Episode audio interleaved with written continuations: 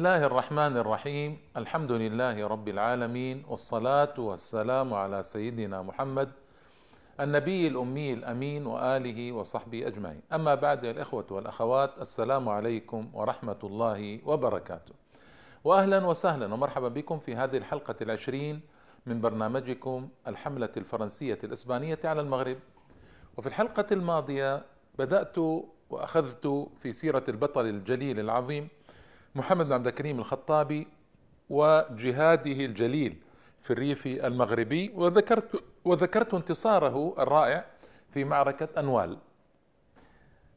صدى هذه المعركة كان المعركة صدى عظيم تردد في جنبات العالم. كيف؟ اسمعوا. اولا طبعا قيل أشعار كثيرة في المعركة وبطولات الريفيين وعبد الكريم حتى جمع في ديوان اسمه الريفيات. ثانيا العرب طبعا انتشوا لأن العرب مساكين كانوا آه، محتل احتلوا من قبل إما إنجلترا أو فرنسا أو إيطاليا مثل ليبيا. فيعني الوضع صعب كان فالانتصار هذا طبعا رفع معنويات الشعوب العربية. ولكن طبعا كانوا مغلوبين على أمرهم. آه، أيضا عدد من الزعماء العسكريين العالميين الذين وقفوا في وجه الاستخراب العالمي اقتفوا خطة عبد الكريم الخطابي وحماسته وهمته مثل شي جيفارا وهوشي من وفيدل كاسترو ويعني جماعة تتبعوا خطاه في طريقة مقاومته. سبحان الله قاضي شرعي يفعل هذا الفعل والصنيع مما يدلكم على أن الله سبحانه وتعالى إذا أراد أمرا هيأ أسبابه ووفقه. ما له خبرة هو بالأمور العسكرية والجهادية ما لكنه منور رحمة الله عليه. كذلك الثورة الفلسطينية لما بدأت والثورة الجزائرية اختفت خطاه في الجهاد والتحرير. آه، أوروبا طبعا طبيعة الحال أوروبا وقفت ضده. لأن أوروبا آنذاك كان يغلب عليها تيار استخرابي الأوروبي الذي يريد أن يتوسع الذي يسمى الإمبريالي الكولونيالي سميه ما شئت يعني. يريد أن يتوسع فمن المستحيل طبعا أن يرضى عن حركة محمد بن عبد الكريم الخطابي. وفرنسا بالذات كانت تنظر إليه بتوجس شديد. لماذا؟ تخاف أن تنتقل عدوى الجهاد إلى المغاربة الذين تحت سيطرة فرنسا. فصارت تشدد على المغاربة وتعتقل كل من يؤيد محمد عبد الكريم الخطابي في مناطقها التي احتلتها في المغرب فشددت على المغاربة. أما في أمريكا اللاتينية فمن العجب العجاب أن أصبح ينظر إليه على أنه بطل كبير مثل سيمون آه، بوليفار عندهم أحد أبطالهم في أمريكا الجنوبية. صار ينظر إلى عبد الكريم الخطابي آه، مثل ما ينظر إلى أبطالهم الكبار المحررين. و أما أثرها على داخل إسبانيا أولا استقالت الحكومة عقب الهزيمة استقالت الحكومة الإسبانية عقب الهزيمة. ما استطاعت تتحمل الهزيمة؟ وطبعا قلنا إن الجنرال قتل نفسه انتحر سيلفستري هذا آه، بسبب الهزيمة. وأصبحت الأصوات التي تطالب إسبانيا بالجلاء عن المغرب آه، أعلى وأكثر. والمناوئه للاحتلال الإسباني للمغرب أصبحت أقوى من ذي قبل وحاول الخطابي ذكي حاول يستغل هذا الوضع لصالحه فأرسل إلى حكومات البلاد العربية يطلب العون والمساعدة لكن أنت تخاطب من؟ تخاطب قوما ليس بيدهم حيلة هم يعانون من الاستخراب العالمي في بلادهم ويعانون من البطش والظلم في بلادهم فكيف سيساعدونك؟ آه وأكد في خطابه العالمي أن الشعب المغربي يطمح إلى السلام ويطمح إلى نيل حقوقه. ما يريد أن يدخل في معارك مع الأمم والشعوب إنما يريد نيل حقه وطرد الإسبان والفرنسيين من المغرب. وتحقق الشعب المغربي هنا كلام رائع لعبد الكريم الخطابي تحقق أن الهروب من الموت موت وأن لا نجاة إلا في تجريد السلاح ومقاومة هؤلاء الظلمة. وتحدث لمراسل جريدة الديلي ميل البريطانية قال نحن قوم نحب السلام ولكننا نأبى المذلة والضيم. وها نحن قد عاهدنا الله والشرف العربي أن ندافع عن استقلالنا الذي يهدده الأجنبي الغاصب. نحن لا نحب الحرب ونحبذ السلام على شرط إجابة مطالبنا العادلة. أما إذا أراد عدونا حربا فلتكن حربا أبدية بيننا وبينه ولتهدر دماء الأبرياء على مذبح استعمارهم الوحشي البعيد عن الإنسانية وفي سبيل مطلبنا المشروع. أيضا خاطب الرأي العام العالمي شعوبات شعوبا وحكاما آه، بقوله إن شمال المغرب يدافع عن كرامته ووطنه بكل ما يملكه من قوة وإيمان إلى آخر رمق. ومن اللطائف الطريفة أنه أرسل إلى مؤتمر كان في بيونس آيرس يعني في الأرجنتين. المؤتمر هذا مؤتمر طلابي عقد بمناسبة الذكرى المئوية لمقاتلي بيرو الذين سقطوا ضحية الاستخراب العالمي. جاء فيها ليس هنالك حق مقدس؟ أكثر من حق الشعوب في تقرير مصيرها. أكثر من حقها في اختيار النظام الذي يتلائم مع عقلياتها ورغباتها. إن الشعب المغربي يناضل من أجل نفس الأهداف التي ناضل من أجلها أبطال شعبكم. نحن نريد إنشاء ثقافة قائمة على مبادئ السلام والعدالة. كلام جميل جدا يدل على أن الرجل سبق عصره وخاطب الأمم والشعوب سواء العربيه أو الإسلامية أو غير الإسلامية خاطبها خاطبها جميعا. وهذا يدلك على أن الرجل كان مثقفا عالما بما يجري في العالم من حركات تحرر آنذاك. آه بعد إعلان النصر وتحرير الريف المغربي بالكامل أعلن دولته. دولة الريف أعلنها وجعل لها عاصمة رسمية وهي أجدير. عاصمة بلاده التي ولد بلدته التي ولد فيها. وشكل الجمهورية رسميا في 1 فبراير سنة 1923 رحمة الله عليه. يعني أسس دولة. وهذا عجيب في المغرب آنذاك. وعين هو رئيسا للجمهورية ورئيسا لبرلمان أيضا. وعمل برلمان ما شاء الله يعني شيء متقدم. آه، ويعني هو رفض في الحقيقة أن يكون له آه، اسم سلطان أو منزلة يعني مثل سلطان المغرب. وأيضا هنالك نص مهم آه، أريد أن أذكره لكم. نص في غاية الأهمية. يقول أزرقان مساعده الأيمن في السياسة الخارجية نحن الريفيين لم يكن غرضنا التشويش على المخزن من أول أمرنا. المخزن يعني الحكومة المغربية. ولا الخوض في الفتن. لأن كانوا يقولون أنه صاحب فتن وحتى أن السلطان للأسف عبد الحفيظ يعني كان يشيع عنه ذلك. و ولكن قصدنا الأهم هو الدفاع عن وطننا العزيز الذي كان أسلافنا مدافعين عنه. واقتفينا أثرهم في رد الهجوم الاعتدائي الذي قام به الإسبان منذ مدة. ولم نفعل ذلك يعني ابتغاء سلطان أو هذه نقطة مهمة جدا أريد أن أوضحها. هل كان محمد عبد الكريم الخطاب يريد أن يكون سلطانا للمغرب عوضا عن آه، السلطان عبد الحفيظ ثم السلطان آه، يوسف؟ لا لا وإلا لو أراد فعل وكان هو الأقوى طبعا وكان أولئك السلاطين تحت سلطان فرنسا. ما كانوا مستقلين ولا كانوا يملكون إرادتهم. بينما عبد الحميد الكريم الخطابي كان عنده دولة كان يملك إرادته ولو شاء لصنع. لكنه ما فعل رحمه الله تعالى. إنما أعلن دولة الريف ولقبه هو الأمير. الأمير على دولة الريف. هذا هو الذي فعله رحمة الله تعالى عليه. وهنا اولا أصدر بيانا لدول العالم. يطلب منهم الاعتراف بدولته. وأبدأ شبكة من الإصلاحات. أول إصلاح عظيم جدا جدا صنعه أنه عرب الريف. عرب الريف. الريف الإسباني كان بعيدا عن عن تعريب طوال مدة قرون. فهو عرب الريف وبقوة رحمة الله تعالى عليه وحكم بالشريعة الإسلامية في دولته. يعني آنذاك من لا توجد دولة آنذاك آه، مسلمة تحكم بالشريعة آنذاك سوى سلطنة الحجاز ونجد كما كانت تسمى في زمن محمد بن الكريم الخطابي. آه، سلطنة الحجاز ونجد فقط واليمن في بعض أجزائها. وإلا أين من يحكم بالشريعة آنذاك؟ آه، الشريعة نسيت وتنوسيت يعني إنا إله إنا إليه راجعون. حكم بالشريعة الإسلامية على المذهب المالكي. ما شاء الله خطوة رائعة. جدا جدا. ومطلوبة منا اليوم نحن اليوم نتطلع إلى الحكم بالشريعة الإسلامية وأن ترفرف على آه، سماء المغرب إن شاء الله تعالى راية الشريعة وعلى سماء الدول العربية الإسلامية كلها بإذن الله عما قريب.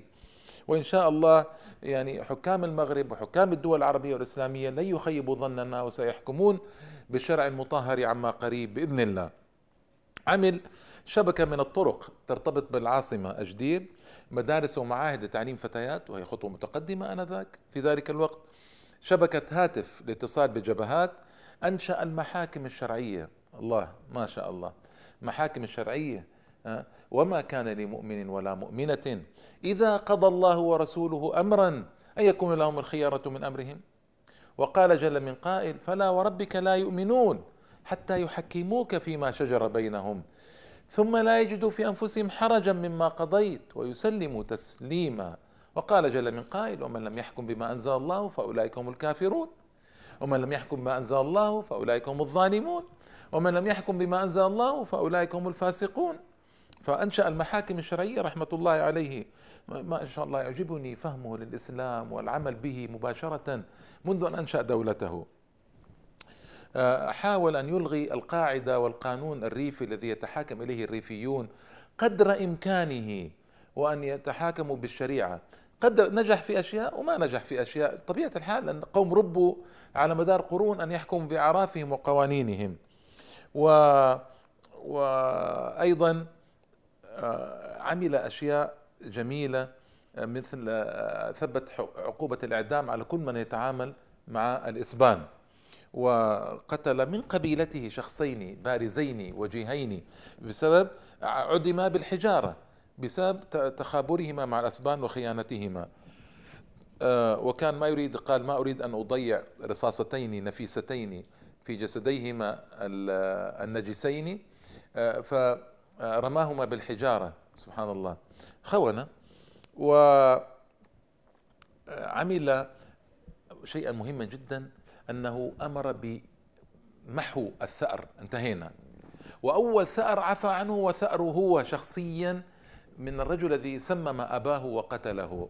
لأن أباه قتل مسموما فالذي قتل أباه وسممه عفى عنه إلى هذا الحد.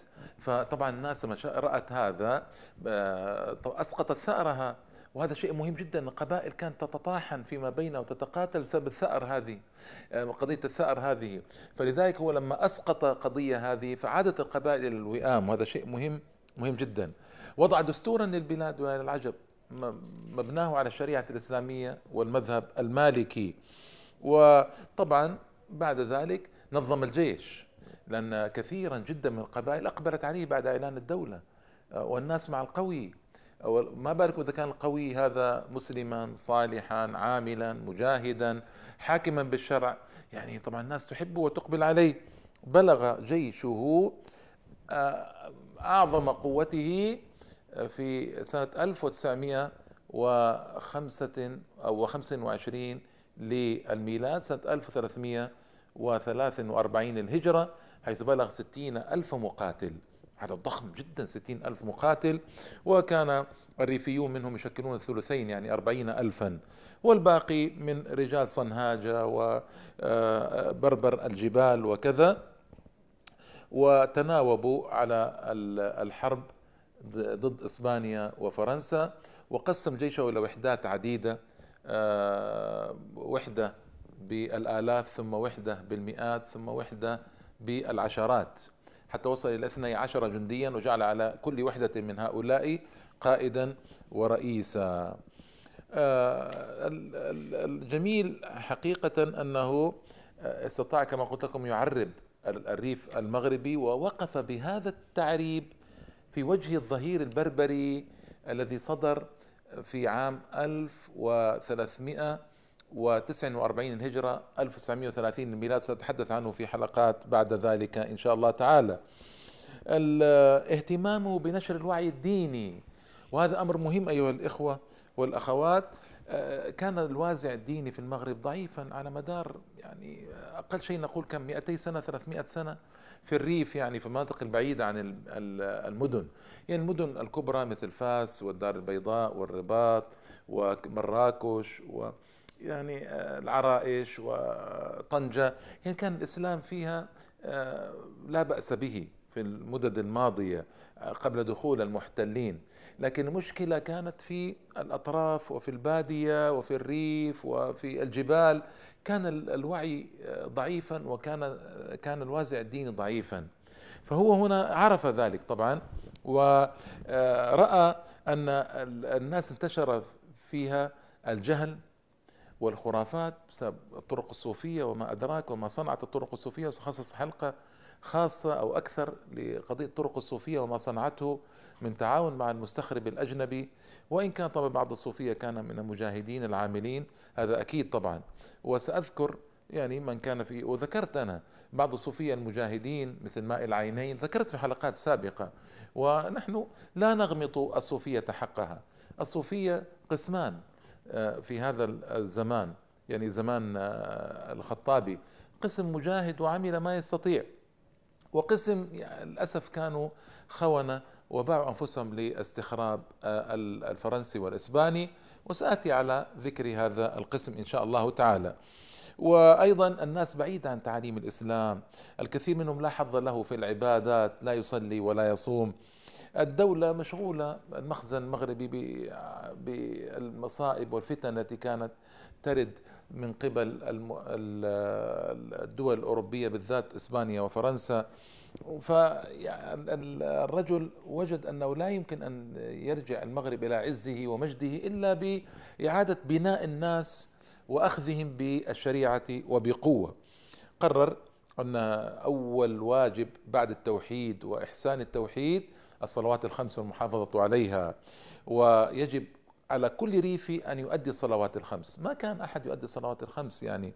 وقال آه، أحد الباحثين الغربيين خلال دراستنا الميدانية آه، في قبيلة بني عمارة اعترف لنا العديد من سكان المنطقة أنه قبل مجيء ابن عبد الكريم كانت صلاة رجال القبائل تقريبا منعدمة. أما النساء فلم يكن يصلين أبدا. وجرت العادة آه، يعني أن تكون القبائل عنيدة في قبول هذه المسألة.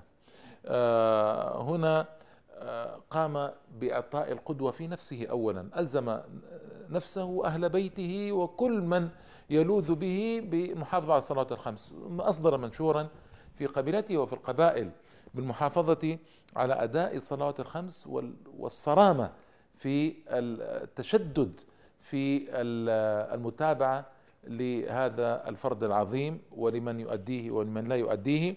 وسن عقوبة على كل من لم يصلي صلاة من الصلوات الخمس أن يذهب إلى الجبهة لمدة خمسة عشر يوما إلى عشرين يوما. وليش عقوبة الذهاب إلى الجبهة؟ لأن القوم فلاحون. يريدون أن يبقوا في أرضهم وأن يزرعوا وأن يحصدوا وأن والإنسان بطبيعته لا يحب الذهاب إلى الجهاد والمعركة ما لم يكن ربي على الإيمان وعلى العطاء والبذل. لكن هنا يجبر كل من يصلي صلاة واحدة فقط أن يذهب إلى جبل من خمسة عشر يوما إلى عشرين يوما. فالناس طبعا وأما بالنسبة للنساء فقد أمرهن, أمرهن بأداء الصلاة. وكل من امتنعت عن الصلاة تدفع غرامة. ما هي؟ دجاجة. تأتي بدجاجة غرامة لأنها ما صلت فرضها. وبهذه الطريقة أعاد للصلوات الخمس في مناطق الريف رونقها وبهاءها بعد أن اضمحلت بالأسف بسبب توالي القرون في الضعف الضعف وعدم أداء العبادات على وجه جيد. واهتم بتعليم النشء القرآن الكريم تعليم النشء القرآن وأوجب على الطلبة حفظ مقدار منه في المساجد والسهر على تلاوته وتلقينه لأبناء القبيلة. يعني يدرس الطلاب والطلاب هؤلاء يلقنون آه، أهلهم في القبائل القرآن لأن الناس كانت أمية. في الغالب الأعم كانوا أميين. ما كانت ذلك الوضع اللي هو قائم الآن انتشار الثقافة وانتشار العلم و... لا الوضع كان أولا يعني فيه ضعف شديد في هذا الجانب. كانت الأمية غالبة ليس في المغرب فقط كل بلاد العالم العربي والإسلامي تقريبا أمية فاشية وغالبة. كان أيضا الفلاحون يعني تنتشر بينهم أسباب الشجار والخصام في أشياء صغيرة ليس فيها حدود. يعني ليس فيها نصوص شرعية. يعني أشياء يسيرة وكذا فجعل هناك عقوبات لمن يفعل ذلك آه، وأداء غرامات لمن يفعل ذلك. يعني مثلا إنسان قطع آه، قطعه من نبات أو خضرة أو ثمر لجاره وكذا ومالكه ما تسامح فلا بد أن يدفع غرامة هذا وكذا. يعني مثل هذه القضايا حتى يربي الناس على الوازع الداخلي الضمير من داخله يتصرف يعمل بدون أن يؤذي الناس ولا يؤذي جاره. أيضا العصبية القبلية العجيبة المنتنة التي كانت منتشرة بين القبائل فحاول رحمة الله تعالى عليه أن يقطع دابر هذه العصبية وأن يقلل قدر الإمكان منها. القبائل مشكلة دائمة. يعني النبي صلى الله عليه وسلم ماذا يقول؟ ثنتان في أمتي لا يدعانهما. ما هما؟ يعني أمران اللذان لا تدعهما الأمة. الطعن في الأنساب والنياحة على الميت. فالطعن في الأنساب في القبائل هذا يطعن على هذا وهذا يطعن في هذا وهذا يقول قبيلتي أفضل وهذا يقول قبيلتي أحسن حتى أنه أمرهم بإزالة الشارات التي تدل على أنه من قبيلة كذا أو قبيلة كذا لأن المسألة آه، كلهم من البربر ومع ذلك يقول هذا أنا قبيلتي أحسن من قبيلتك وأنا فخذي أحسن من فخذك ما نؤمن هذا الكلام؟ إسبانيا تحتل البلاد وفرنسا تحتل آه، البلاد ثم نأتي ونقول والله أنا أفضل وأنت أفضل قبيلتي أحسن. يعني هذا عصبيات مثل آه، لعب الأطفال. يعني ما ينبغي أن يكون هذا في وقت البلاد فيه محتلة ومهددة في دينها وعقيدتها وإسلامها وفي أصولها وفي قرآنها وفي جيلها القادم. يعني آه، شيء عجيب فعلا يعني. أيضا بدأ يرشد المجتمع ويحضره. يعني كان الزواج مثلا مدة سبعة أيام وتصرف فيه أموال وتنفق فيه أموال جسيمة فقلل المدة أمر بتقليل المدة من سبعة أيام ثلاثة أيام فقط. كان قائدا مطاعا ما يأمر به يفعل لأنهم يرونه ويرون جهاده ويرون عمله يرونه قدوة لهم في زهده وتواضعه فأحبوه وتابعوه القبائل. وكان هذا يعني شيئا جميلا فإن القبائل لم تتابع المخزن المغربي لمدة قرون. كانت تثور على المخزن ولا تقبل سلطته ولا تقبل سيطرته مدة قرون يعني. فأن تأتي القبائل لتسلم آه، قيادها لرجل هذا يعني عجيب. لكن رأوا فيه المجاهد ورأوا فيه المسلم الصحيح الإسلام. ورأوا فيه الزاهد ورأوا فيه المتواضع فأسلسوا قيادهم له. وهكذا يا إخوة في كل زمان ومكان هذا هو الذي يحصل. كما منع الرجال من المشي حفاة آه، في أقدامهم. بل يجب عليهم اقتناء النعال والبلاغي جمع بلغة يعني مثل نوع من النعال. و وأن يمشطوا لحاهم. يعني رتب الناس وهذبهم. وقرر غرامات مالية صارمة على من يدخن منعهم من التدخين. وهذا يمكن يكون من أشد ما منع منه القبائل لأنهم وصلوا لدرجة الإدمان. نسأل الله العافية في هذه القضايا ومخدرات والتدخين وكذا. منعهم تماما. وكان ذلك وقع شديد على القبائل لكنهم استجابوا لأن أمر أمر أمر الرجل وسلطان في القبائل ما يستطيعون عصيانه. بهذه الطريقة ننظر كيف صنع محمد بن كريم الخطابي عقب النصر واستفادة استفاد من النصر وأنشأ الدولة ورتبها وهذبها وجعلها تراتيب إدارية وجعل جعل لها أركانا وجعل لها برلمانا وجعل لها دستورا وجعلها تحكم بالشريعة وساس الناس سوسا حسنا ورتبهم وهذبهم وحضرهم وثقفهم ما شاء الله. انظروا كيف أثر المسلم الصالح. ماذا يفعل؟ أثر المرء المسلم الصالح كيف يمكن أن يفعل في مجتمع كبير ضخم كما فعل محمد ابن عبد الكريم الخطابي. في الحلقة القادمة إن شاء الله سأذكر يعني حيرة أسبانيا وتخبطها في التعامل مع الخطابي. كيف تصنع في هذه القوة الناشئة؟ إلى اللقاء. والسلام عليكم ورحمة الله وبركاته.